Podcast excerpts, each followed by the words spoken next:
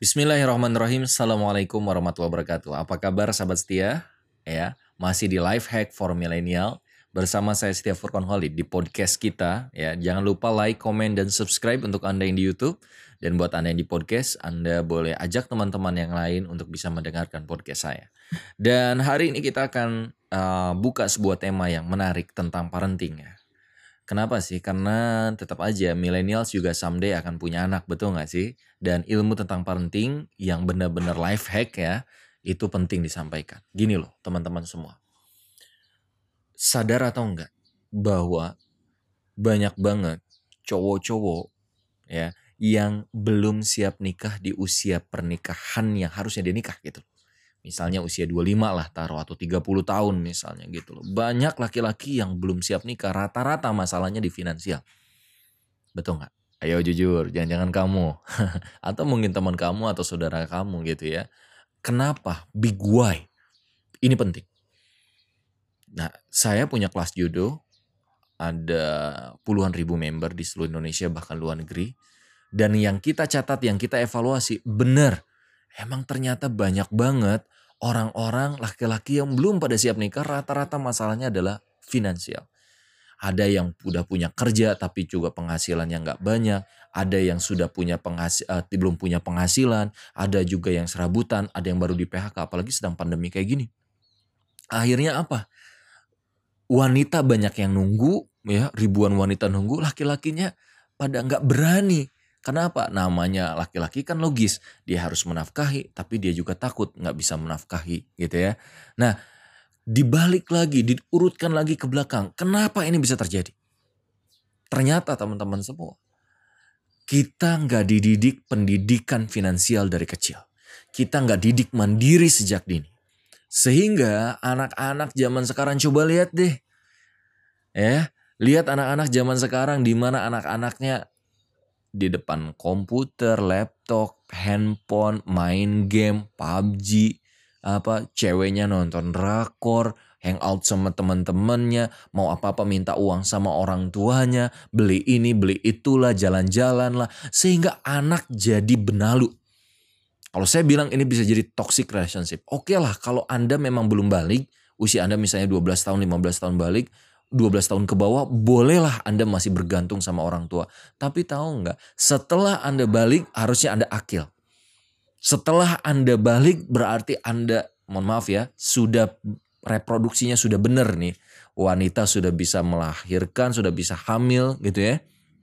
Ditandai dengan apa? Dengan head pertamanya gitu ya. Kalau cowok udah mimpi basah, ya udah ada perubahan dari dadanya atau dari suaranya misalnya gitu ya. Itu berarti kalau dalam Islam udah pas bahwa dia harus punya berakal dan dia harus bisa bertanggung jawab dengan dirinya sendiri.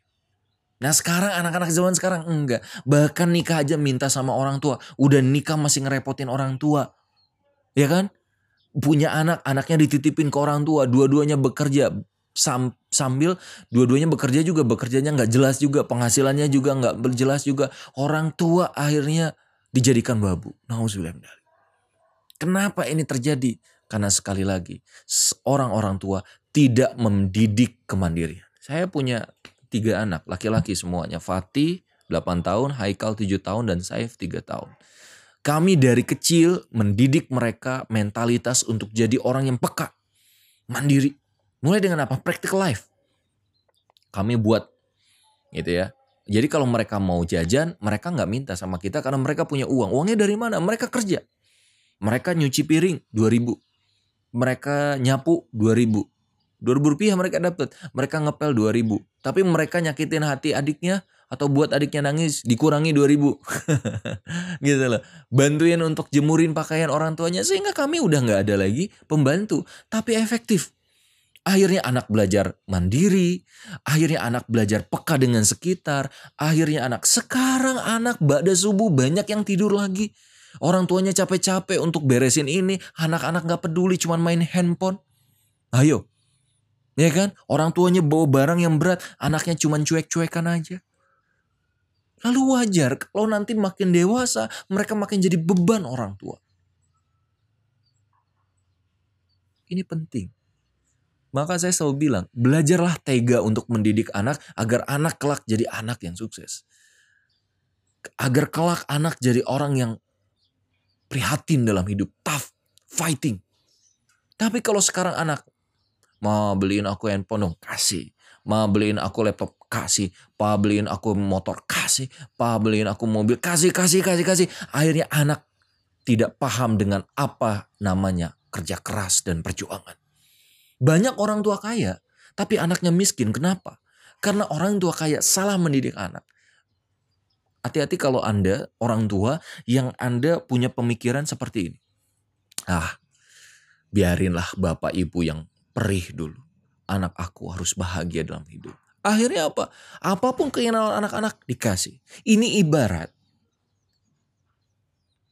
ada kepompong yang mau jadi kupu-kupu. Lalu ada anak kecil yang bilang, Pak, aku mau bantuin ya, kasihan tuh kepompongnya mau jadi kupu-kupu, dia susah. Akhirnya sang anak bawa gunting, lalu ia membuka kepompong itu dan akhirnya mencoba untuk membantu kepompong untuk bisa jadi kupu-kupu. Apa yang terjadi? Apakah dia bisa jadi kupu-kupu yang terbang? Tidak. Kenapa? Karena akhirnya, karena dibantu, difasilitasi, ia tidak terbiasa untuk menyelesaikan masalahnya sendiri. Sunatullahnya kepompong, metamorfosis, memang kodratnya nanti dia jadi kupu-kupu, ada waktunya. Ada timingnya, tapi kadang orang tua nggak sabaran. Anak nggak bisa matematika, dikerjain coba. Ya kan? Anak jatuh, dibantuin. Biarkan anak untuk jatuh, bangun sendiri. Tapi apresiasi kalau dia bangun dan tidak nangis. Peluk dia, buat pujian bahwa dia itu hebat. Tapi kalau semuanya disuapin, apa-apa difasilitasi, anak tidak belajar yang namanya adversity quotient. Coba Anda bisa googling, apa itu adversity quotient? Adversity quotient adalah kemampuan untuk menyelesaikan masalahnya sendiri, untuk bangkit dari kegagalannya. Dan ini penting. Seringkali fasilitas justru melalaikan. Seringkali kekayaan orang tua justru membuat anak akhirnya jadi anak yang tidak mandiri. Hari ini saya mendengar, mungkin teman-teman juga mendengar, ada salah satu anak yang menggugat kakak-kakak tirinya katanya gitu. Karena dia memperebutkan 600 triliun harta peninggalan orang tuanya. Nah, uang berapapun uangnya, tanpa kemandirian habis tua. Tapi sebaliknya, tanpa uang kita didik anak-anak kita jadi orang yang mandiri someday uang yang justru mengejar dirinya. Ingat, kalau kita cinta sama anak, jangan didik dia dengan uang. Tapi didiklah dia untuk bisa memanage keuangan. Didiklah ia untuk bisa jadi orang yang mandiri. Didiklah ia untuk bisa jadi orang yang kerja keras, kerja cerdas, kerja kualitas, dan kerja ikhlas dalam hidup ini. Saya Stefan Holid. Mudah-mudahan podcast ini bermanfaat buat saya dan buat kita semua dan selamat mempraktekkan. Jangan lupa like, komen, dan subscribe di channel ini dan podcast kita.